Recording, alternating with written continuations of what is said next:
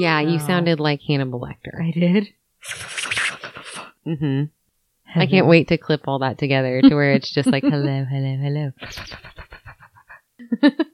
Welcome once again to Bigfoot for Breakfast, home of the mysterious and the macabre, where we hang out in the studio every week, challenging conventional thought. Some days we Eat their liver with a nice Chianti and a side of fava beans. no. I mean, you do, but I don't. That's weird. But sometimes we hang out on Tuesday. Sometimes we hang out on Thursday. Sometimes it's like Sunday or Wednesday. Just depends on when Samantha decides to get her shit together so we can get our episode out. Last week it was your fault. What? No, it wasn't. Last week it was your fault. Explain. Um, it was your fault. Sounds like oh dun dun dun. Speaking of random ridiculous argument, Do you want to debate about it? we could do that all day long. The what they did. Podcaster in the history of podcasting. Well, your mom. My mom is your mom. Yeah, I know. I, I said what I said. Let's not talk about the debate. Anyway, yes, let's move on. Let's take a nice break from that. Yeah, I've been watching like some news all day long and it's rough. Even though they created this problem And by they, we mean politicians in general. and news people. But we're not going to talk about that. We're going to talk about subscribing to our podcast. Go on, Sam. We are your hosts, Samantha Carter. And Sarah Jones. We appreciate you so much for joining us once again or joining us this week for the very first time to hear more of the things you never knew you wanted to know. Oh, you knew. You knew. You know it. You dog-faced pony soldier. if you haven't ever done so, please rate and review our show on whichever podcast platform you happen to be listening from. We appreciate it tremendously. It really helps out the show and we love hearing from you. You can add us on Facebook, Twitter, and Snapchat for updates and contest announcement.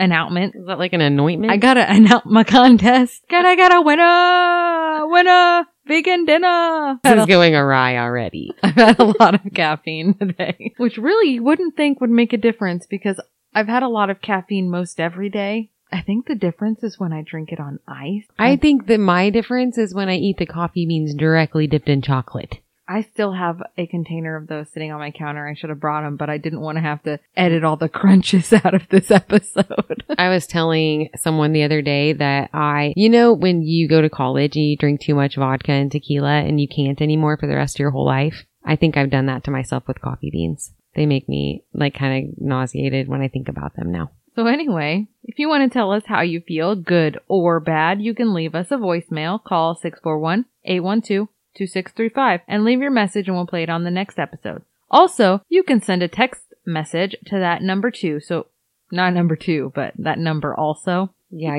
that same number. Don't send us texts of your number twos. Ew. I've gotten those. It's not pleasant. So if you're not feeling brave enough to leave us a voicemail, which we can understand, you can text us, which we actually just got a text. Joseph, you've got a package. yeah, Joseph. Joseph.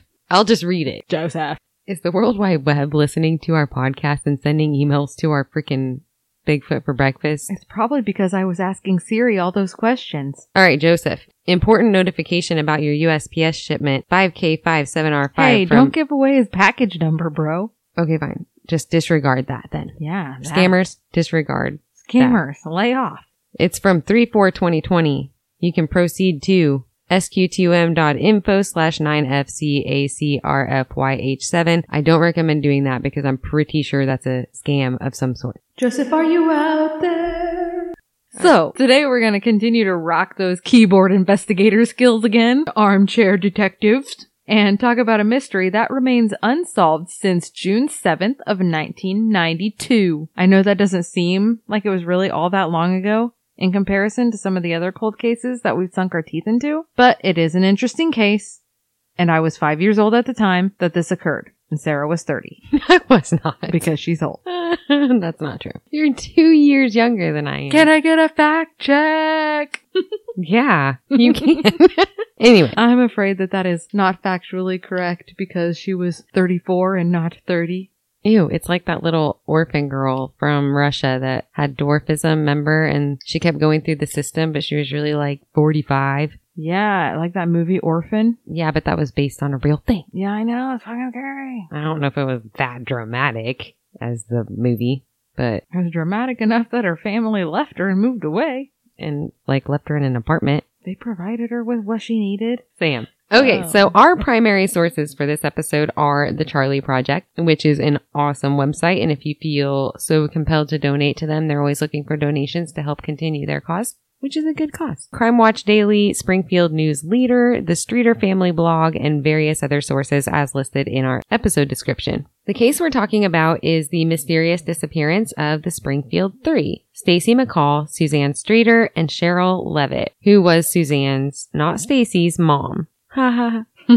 Sorry, I couldn't help it. I didn't write this, and even I just got it. She's a little slow because she's old. It's the dementia.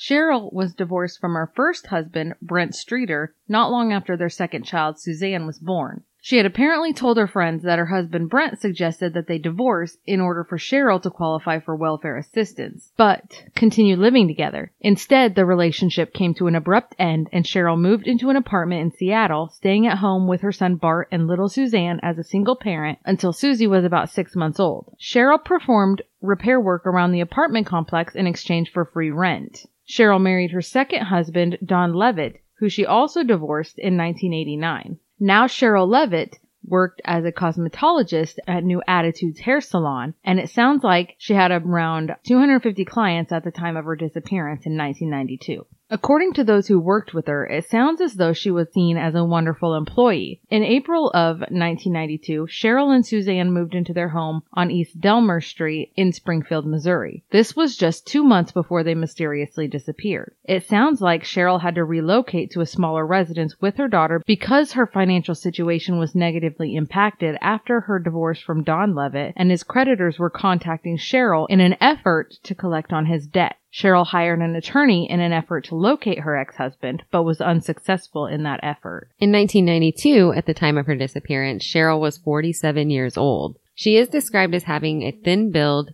estimated to have weighed 110 pounds.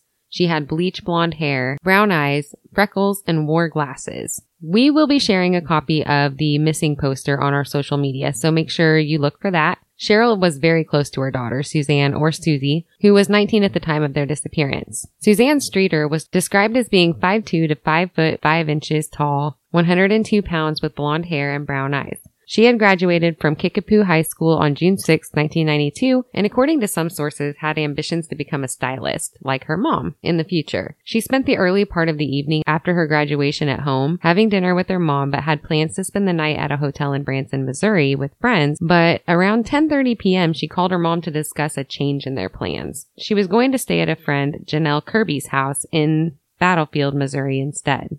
Suzanne's plans for the evening were not just her plans.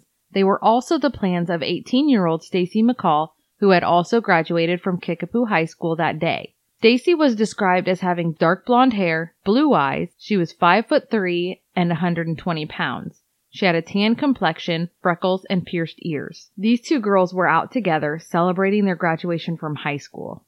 Imagine graduating from high school, their whole lives ahead of them, all the plans they had for the future, all of the accomplishments they never got the chance to achieve. This should have been a time for the girls and their friends to make memories that they could smile about for the rest of their lives. And some that they might really regret. Mm-hmm. their families now deprived of their presents, their weddings, new jobs, children, college graduation, watching them continue to grow and become the women that they should have been.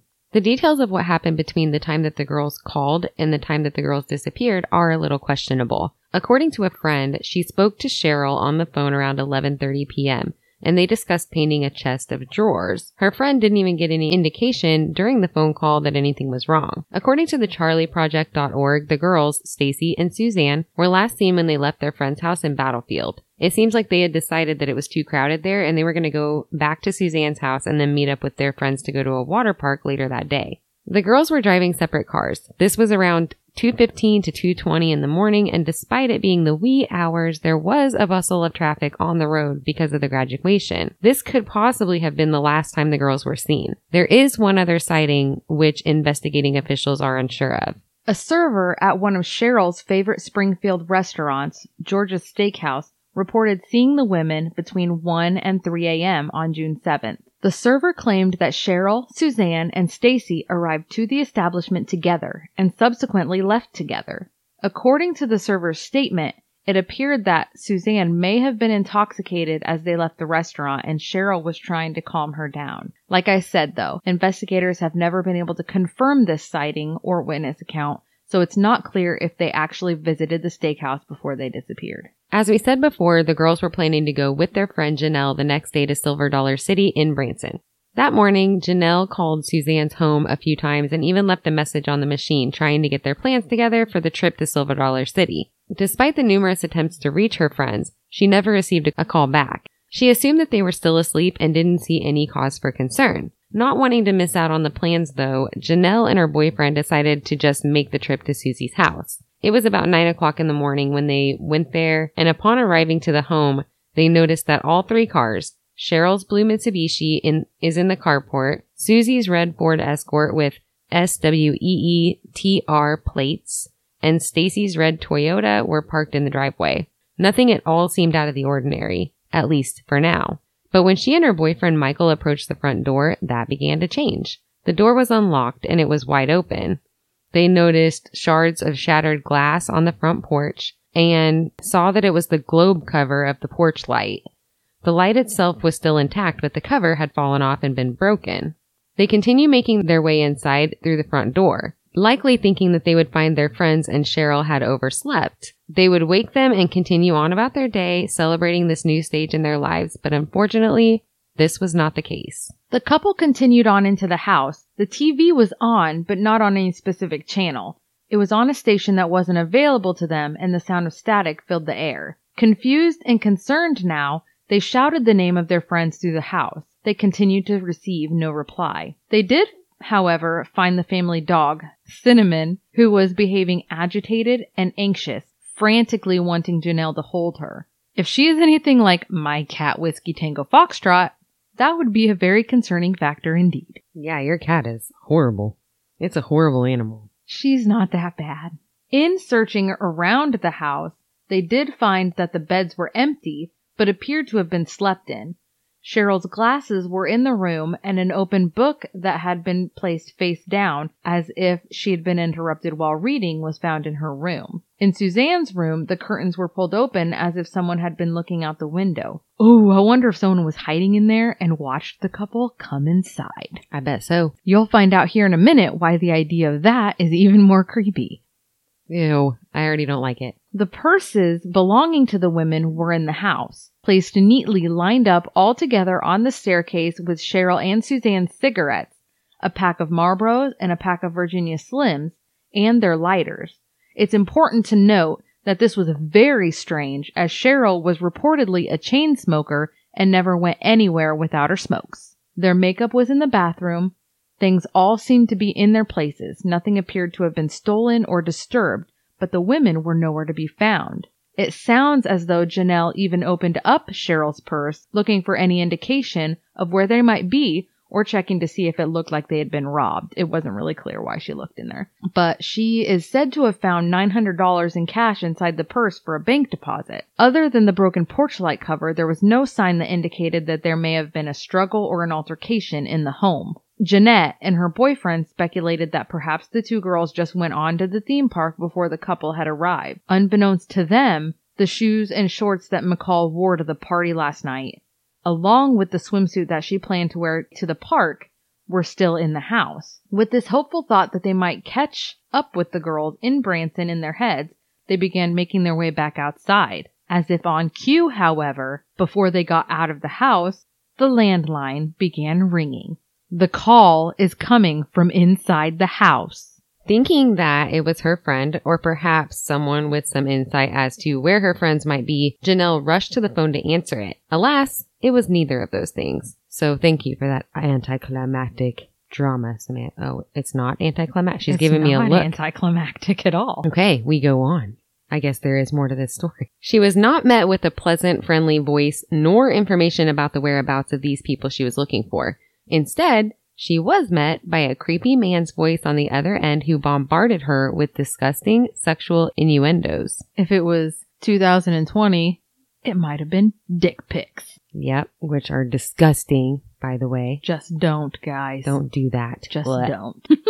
Of course, she hung up, but Creeper Guy wasn't having any of that. He immediately called back and Janelle cut him off again and hung up. She and Mike then rushed to get the hell out of Dodge. We would be remiss if we didn't take this time to speculate on whether or not it was a random twist of unfortunate fate that the call came in at this time, that there was someone there to answer. Was someone watching for an unsuspecting family member or friend to wander in looking for the victims of their unseemly crime? No answers to this question were ever found, which irritates the ever loving heck out of us. We like closure. I wonder if he asked her if she'd ever heard of the zombie butts of Uranus. I don't know. Because that'd be a dick move. That would be a real dick move.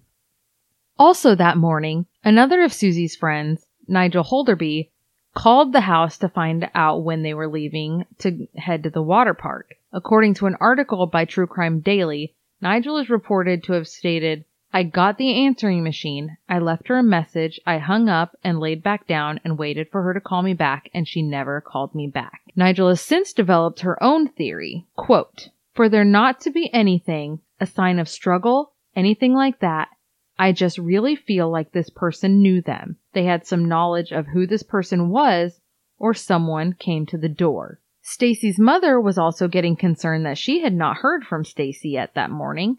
According to the same article, Janice stated, quote, I said, you know, she should have called me by now. I don't think she's still asleep. It sounds like Janice called a couple of times and left one voicemail. She said after not getting a response, I left another message probably an hour or two later, and by the third message, I was getting pretty frantic. Eventually, Janice and Stacy's older sister Lisa headed into town to pick up Lisa's wedding dress at the bridal store. Having still not heard from Stacy, they decided to stop by Sherrill's home. Since they had recently moved, Janice wasn't sure of Sherrill's new address or phone number, but after a little bit of mom sleuthing, she was able to track down their address in the phone book. Janice and Lisa got to the house, experiencing the same unnerved feeling that had been experienced by Janelle earlier that day. Janice decided at that time she would use the phone at the house to call the police. In using the phone, it sounds like Janice unintentionally deleted the messages that had been on the answering machine prior to her arrival. That's not good. So she erased any evidence that might possibly be there. Yes, Maybe. maybe. Maybe not. Okay. By the time police were called and the report that the girls were missing was made, at least 10 hours had passed since Janelle's initial visit to the home. By that time, a friend who had visited the house had swept up the broken glass on the porch as a favor to Levitt. Nearly a dozen other people had been in and out of the home, walking on the carpet, sitting on the chairs and sofas. If it's anything like any of the other cases we covered, inevitably someone had been in the kitchen making a snack. Why? It's always the case. Why do people do this? Y'all got any Grey Poupon? Grey poop. No one eats Grey Poupon as a snack.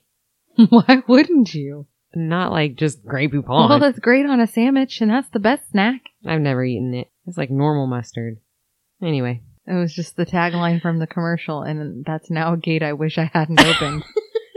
We went too far. So they were probably making a snack. We don't know that for sure, but likely. As well as touching or disturbing who knows what else in the house. While patiently waiting for the women to return, as they didn't want to think that they wouldn't eventually return. Friends and family tidy up the house, even repairing an awkwardly bent window blind, which could be evidence. you know, so the thing is, is when I was reading all these articles, it was mentioned so many times that they made a point to clean the house because Sherrill would want it that way. Which is so weird. Why would you clean the house if you can't find them? No, because I think I would think about that. I'm already frantic. They're missing. I wouldn't want anything touched. Well, also, I'm not gonna come clean your house when I'm visiting you. Especially if you're not there, because that's kind of weird. anyway, people do what they do. Yeah, different dynamics and such.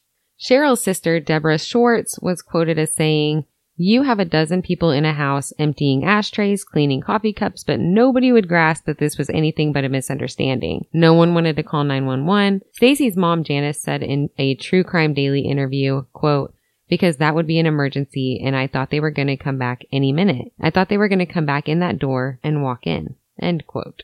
The report to the police was finally made by Stacy's mom, who had become concerned that they had not heard from them at all. Quote, I expected her home that night, the next day, maybe a couple of days afterwards, Janice McCall said in a 2017 interview with local Springfield news source KY3. Quote, never in my wild imagination did I ever think that it would be 25 years later and I would be saying Stacy is still missing. Stacy had called home like Suzanne at 10:30 and said, "Mom, don't worry, we're not going to Branson tonight." Janice said she responded with a sigh of relief and said, "Thank you, thank you," because she had earlier tried to convince Stacy not to go out at all because she was worried about a car accident. Stacy had promised to call her mom in the morning. In the midst of all the friends and family traipsing about the house, inadvertently damaging possible evidence, something else strange happened. The phone rang again. This time, the people in the house let it go to the machine. Once again, on the other end of the line was a man, presumably the same one, making lewd sexual comments. According to Janice, they assumed that this call was some sort of gross graduation prank, so someone in the house deleted the voicemail. Oh my God. Why? Why? With little to no viable evidence at this point, the police department did open a missing persons case. At the time of the call, the hour was late, so Janice was advised to come to the station early the next morning for the report. She was also asked if she would be able to provide dental records for her daughter. Hmm. Okay, so as a mom, having someone ask me that question would cause an immediate panic response. When you think, okay, we can't find her, you don't want dental identification to be at the forefront of your mind. This brings the possibility that it's a corpse that you will be bringing home. Janice, it seems, had the exact same response. She didn't sleep that night. Who could? Instead, she started her own work on the investigation, developing and printing out pictures that she took the day of the graduation, as well as making a missing person poster to hang up throughout the town. After the community got involved, over 40,000 of these missing persons flyers were handed out across the entire state of Missouri, but it would be days before they would have any leads. Like the waitress at the steakhouse reporting that she had seen the women sometime in the wee hours of the morning after their last known contact with anyone. With little to go on while digging into the backgrounds of these three women, a few interesting tidbits of information came to light. Tidbits that pointed them in the direction of a man named dun dun dun Bart Streeter son of Sherrill Levitt, older brother of Suzanne by nine years. It was uncovered that there had been some problems within this little family of three, including that in the early 1980s, Bart had been kicked out of the home because of his habit of overindulging in alcohol a little too often for Sherrill's taste. She absolutely did not approve of his habits, telling him, quote, if you want to live under my roof, then you have to abide by my rules. End quote. This ultimatum was ignored by Bart, who collected his belongings and moved away for 10 years. Neither Sherrill nor Suzanne were aware of the fact that Bart had returned to Springfield in the fall of 1991 as the result of a bad breakup and falling out with his girlfriend at the time. It was their understanding that he returned in the hopes of fixing the family that had been broken for 10 years. So they became reacquainted with each other and Bart and Suzanne had agreed on sharing an apartment together. But this happy reunion didn't last long as Bart struggled to adjust to his new life as a single man. Heartbroken over the breakup, his alcohol addiction began to take a very damaging toll on the siblings, worse even than it had 10 years prior. During an argument, the siblings ended up entangled in a physical altercation, which was the final straw for Susie, who then moved back in with her mother. Bart was indeed considered a suspect and investigated. Eventually, he was ruled out as having had any involvement in the family and their friend's disappearance.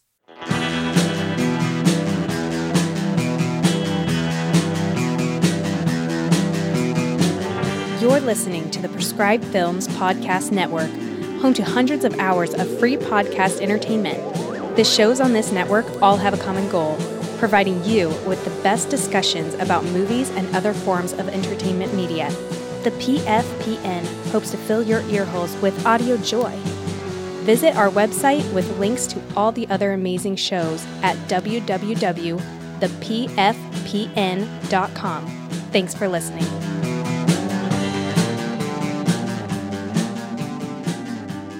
In another twist, Suzanne's ex-boyfriend, Dustin Reckler, and his friend, Michael Clay, were also considered as persons of interest at one point in this investigation. According to Merriam-Webster, a person who is believed to possibly be involved in a crime but has not been charged or arrested, unlike a suspect or material witness, a person of interest has no legal definition but generally refers to someone that law enforcement authorities would like to speak to or investigate further in connection with a crime. It may be used rather than calling the person a, a suspect when they don't want their prime suspect to know that they're watching them closely. Critics complain that this term has become a method for law enforcement officers to draw attention to individuals without formally accusing them. These boys were considered in the case because while Susie and Dustin were dating, he and his buddy Michael were arrested and charged with having vandalized a mausoleum and stealing a skull and some bones as well as gold teeth from one of the corpses. The boys sold the illegally acquired gold at a nearby pawn shop to make money. They sold 26 grams of gold from the teeth fillings and made a whopping $30. After finding out about the criminal charges, Susie broke off the relationship. It sounds like Susie had agreed to testify against her ex-boyfriend and his friends at trial, which was coincidentally only a few months away. Friends now wonder if he was out to shut her up. If they were mad at her, the question is now, were they mad enough to kidnap and kill her? Multiple witnesses had actually reported hearing Michael Clay state, Quote, I wish all three of the women were dead because he was bitter about the whole incident. While the boys did provide alibis for the night of Sherrill, Suzanne, and Stacy's disappearance, their whereabouts on that night have never actually been confirmed. Because there was never any evidence which confirmed their involvement, they were never apprehended or charged with the disappearances. They are, however, still considered suspects to this day. One theory, according to a former chief prosecutor that was involved in the investigation, is that, quote, Susie was one that had turned them in and got them charged with grave robbing, end quote. During the investigation, according to Janice McCall, they had also found materials in Susie's room that indicates that she had been looking into devil worship and other satanic things on the bookshelf in her room. God forbid they look at my bookshelf. I mean, there's no devil worshiping stuff depends on what your perception Yeah, of devil true. worship is. That's true. I'm not sure that this has anything to do with anything. It's just a piece of information.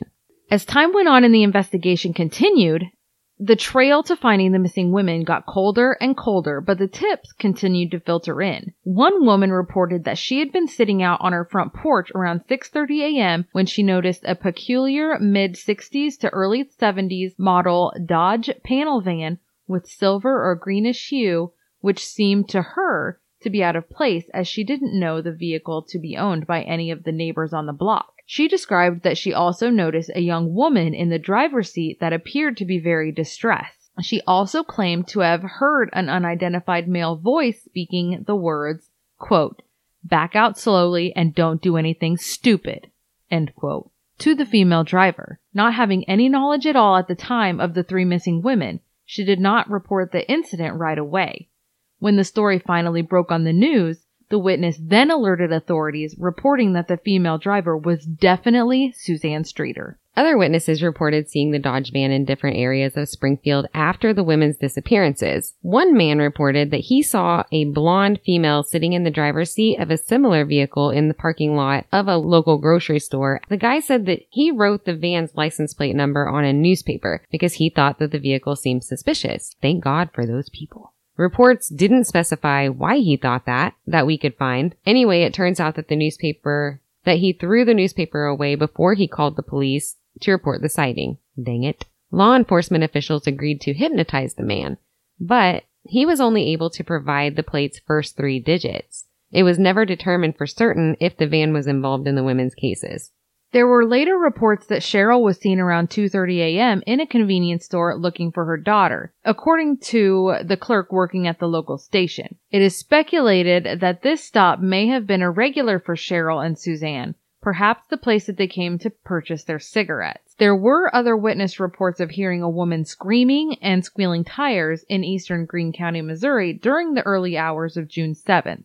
Investigators searched the area, but no evidence was found.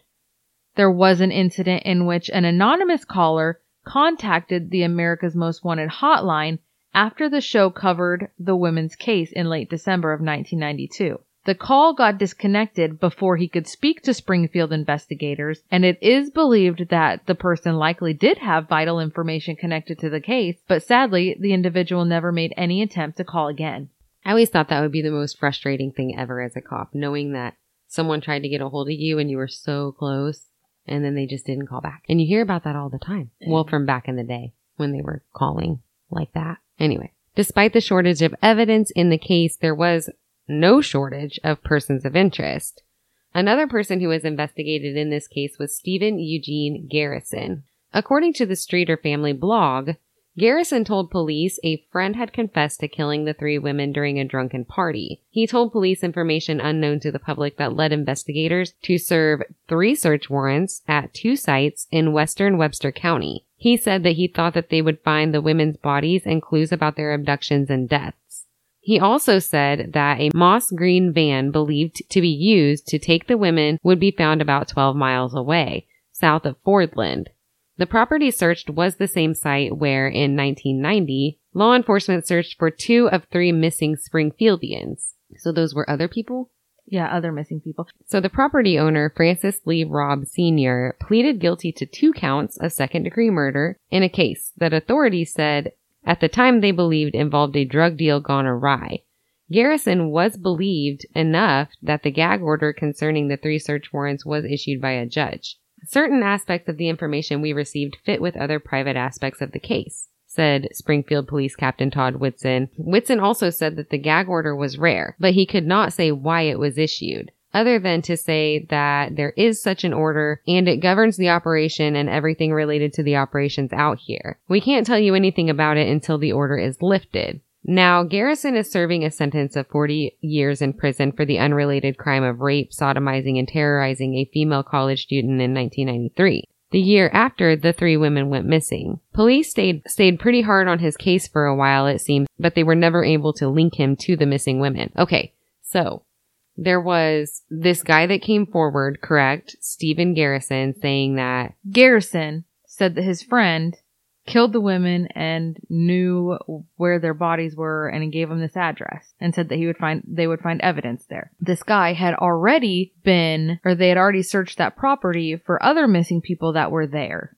in a separate case. in a separate case. but they thought that one involved drugs. yeah. Okay. And then later on he was arrested for a different offense. But it was still kind of along the same lines because it was still rape and sodomy. So, I mean, it, it's not murder, but it's still, I mean, why would you kidnap three women? So, anyway, okay, just clarifying. According to an article by Kathy Baird, the Springfield police found two rings in a shoebox full of articles about the women, along with two other rings in a house on West Walnut in Springfield. According to Kathy, those rings have never had any DNA testing conducted on them. The reason for this, according to Springfield PD, is, quote, we feel they were handled by too many people. But still, wouldn't it be logical to run the DNA test to see if any of their suspects' DNA were on the ring? Couldn't you eliminate the people that you know touched them, like the police or whoever else that weren't guilty? I would think. I mean, that'd be worth doing, in my opinion, but no one ever listens to me. It was strange how he specified that the van was used, although he did say it was green, like the other witness had said. But a blue Dodge Ram was found, a Ram van, Ram van. Dodge Ram van, was found without license plates abandoned in a campground in Indiana off US Highway 50 east of Versailles about 8 miles. There was suspicion that the van may have possibly been involved in the 1992 disappearance of the three Springfield women as a computer check of the van's vehicle identification number showed that the van was stolen from Springfield, Missouri on the same day that the women disappeared. Highly suspicious. That's more than highly su- suspicious. That's not even like coincidental. Arrest those people. They just found the van Damn. Damn. abandoned. Okay, fine. Arrest that van. Well, I'm sure they put it in impound somewhere. That's what. I mean. so, okay, so another interesting person of interest in this case is Gerald Carnahan. There really is a bunch of suspects. Although ultimately, he was never charged with any crime relating to the three missing Spring- Springfield women, and I had a hard time finding any details as to why he was considered a suspect in the case. He was convicted of first degree murder and forcible rape in the death of former beauty queen Jackie Johns. Was that before or after? it was in 1985.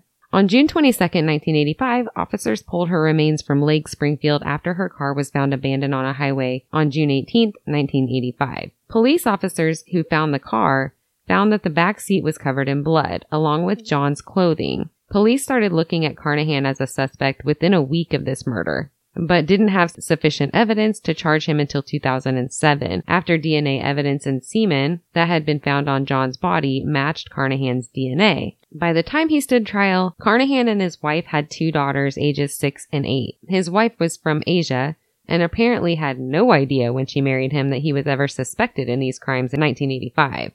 I doubt that she also knew that in 1993, Carnahan was charged with attempting to abduct an 18 year old girl named Heather Starkey. That's why we don't internet date people. Yeah, that's a catfish situation, if I ever saw one. He catfished that he was a I'm not a murderer. I'm not a murderer. I'm gonna put that on my dating profile.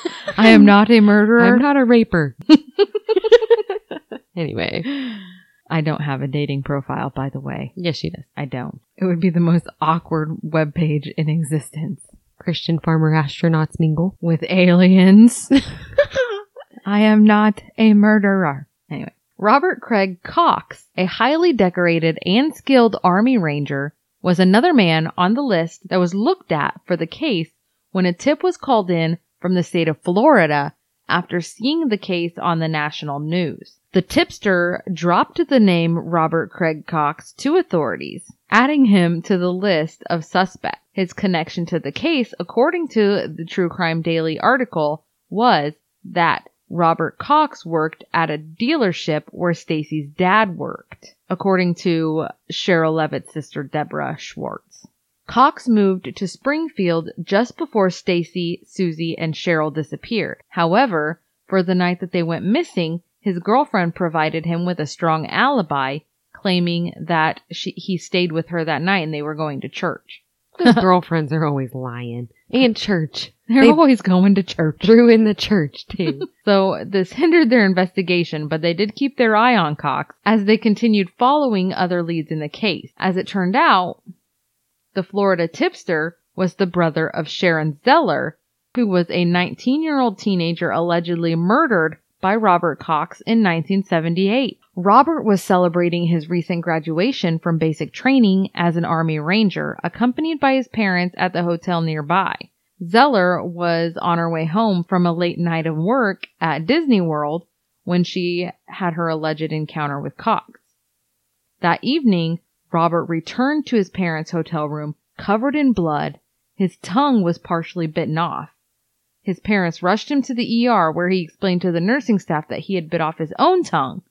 But the medical examiner concluded that it was very unlikely that he did it to himself, as the direction that the tongue was removed was inconsistent with that scenario. Also, Sharon Zeller's deceased body was found by police a mere hundred feet from the hotel that Robert and his parents were staying in. He was not arrested or charged with the murder at the time because DNA evidence wasn't quite a thing yet. Robert traveled with the Army to California, and in 1985 he was charged and convicted on two separate abduction and assault charges on other women. After that, he was sent back to Florida on murder charges for the Sharon Zeller case, for which he was found guilty and received a sentence of life without parole and faced the death penalty. Penalty. Penalty. Are you playing? Are you playing Clash of Clans right now?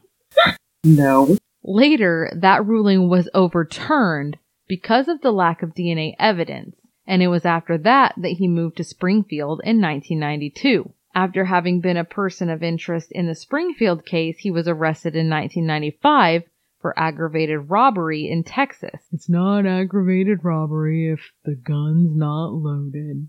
Name that movie. I have no idea. Raising Arizona. Oh, I love that movie. That's been a long time since I've seen that though. And I just want to point out that this is a long list of suspects. And every time you talk about one, I'm like, that's the guy. that's the one. And then you talk about the next one. I'm like, no, that's the guy. Like they just get more and more convincing. this one gets worse. oh, so no wonder the cops are like, we have no idea because Yeah. So at the time that he was arrested in Texas, his girlfriend recanted his alibi in Springfield. so they didn't go to church. And she said she had absolutely no clue where Cox was the night that Sherrill, Stacy, and Susie disappeared. So an investigative reporter named Dennis Graves from Crime Watch Daily got wind of that recanted alibi and took himself to Texas hoping to find out if Cox knows anything about the missing women. And what he got from Cox sounded more like a murder confession. Oh, good lord. Quote, I know that they're dead. I'll say that. I know that. Cox told Graves in his recorded interview. Another quote, Yeah, but I just know they're dead. That's not my theory. I just know that. Man, they really just can't catch a break in this case, or any of his cases, it seems. Thank goodness for the development of DNA evidence. Seriously, I bet all these old serial killers had no idea that this would bite them in the ass so many years later. I love DNA evidence. Greatest invention ever. I don't know if you remember earlier when we mentioned Kathy Baird, but as an investigator, Baird obtained some pretty interesting information regarding this case in the form of an anonymous tip that the women were buried beneath a hospital parking structure, which at the time of their disappearance had just been dirt. According to Kathy, she took this information to the police and they put it to good use in their investigation. I really wish that I could say that honestly, but according to Baird, they pretty much laughed at me, is what she said. But she didn't let that stop her search for truth and justice, though. She took it upon herself in 2010 to hire a man who uses high tech ground penetrating radar. I like saying that fast. High tech ground penetrating radar, high tech ground penetrating radar, high tech ground penetrating radar, high tech blah blah blah blah blah. It makes me sound pro. So this high tech ground penetrating radar is capable of finding graves hidden underneath concrete. Baird reported that he told her, quote, I'm getting two images over here and one over here. How coincidental that there would be three of them. And so Baird said, Oh, and that's when I told him, quote, I'm working on the disappearance of three women. And he was kind of like, well, that's exactly what I see when I go over old graves. Police told Kathy that the timeline doesn't add up, as it was, quote, a year after they went missing when they built the parking garage and started construction on it, according to Sergeant King of Springfield Police Department.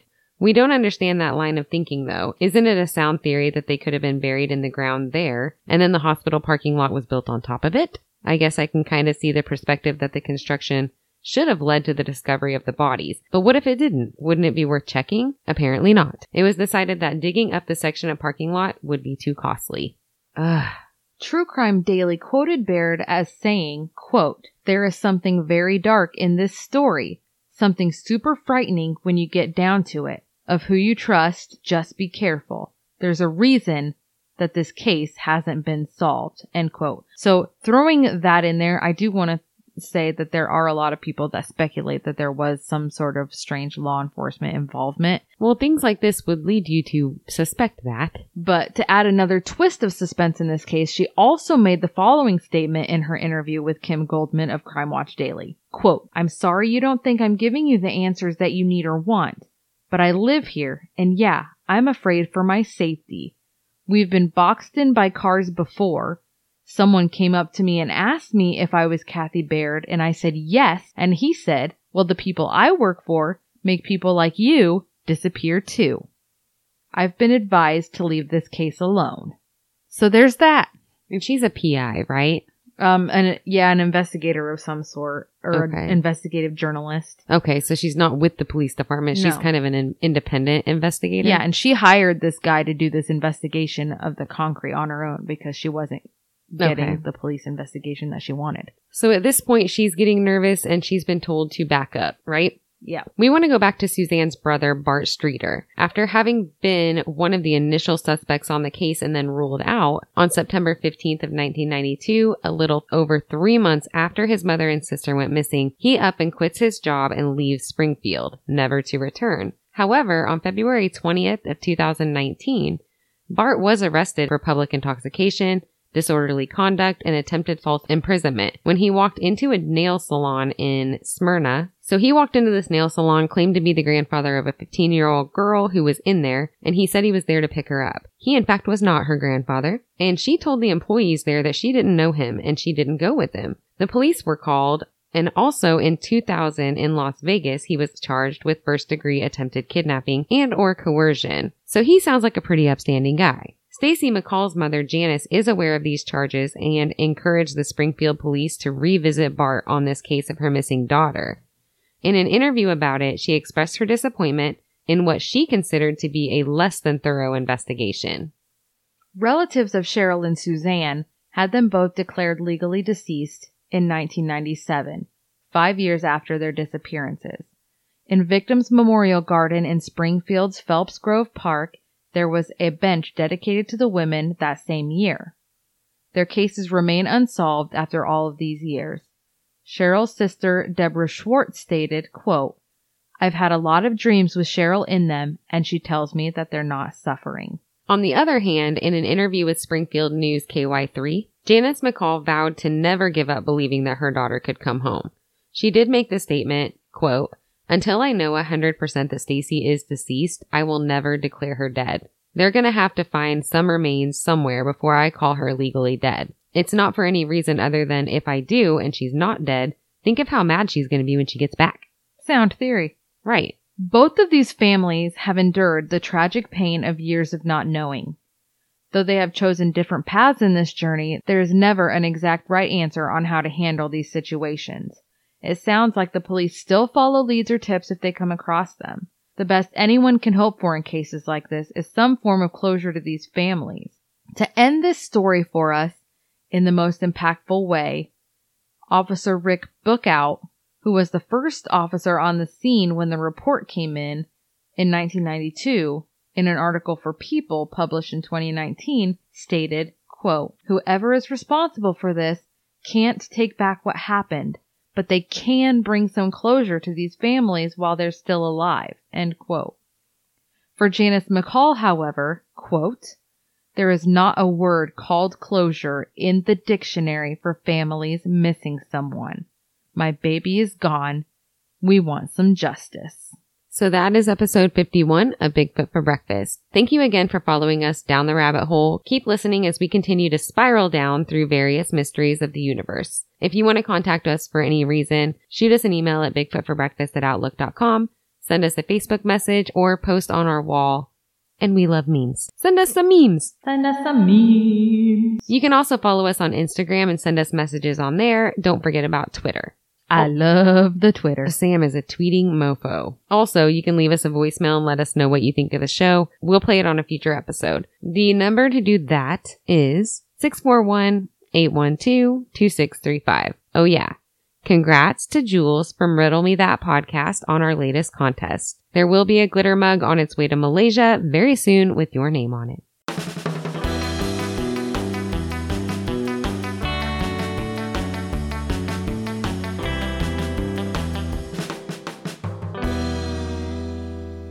At me, bro.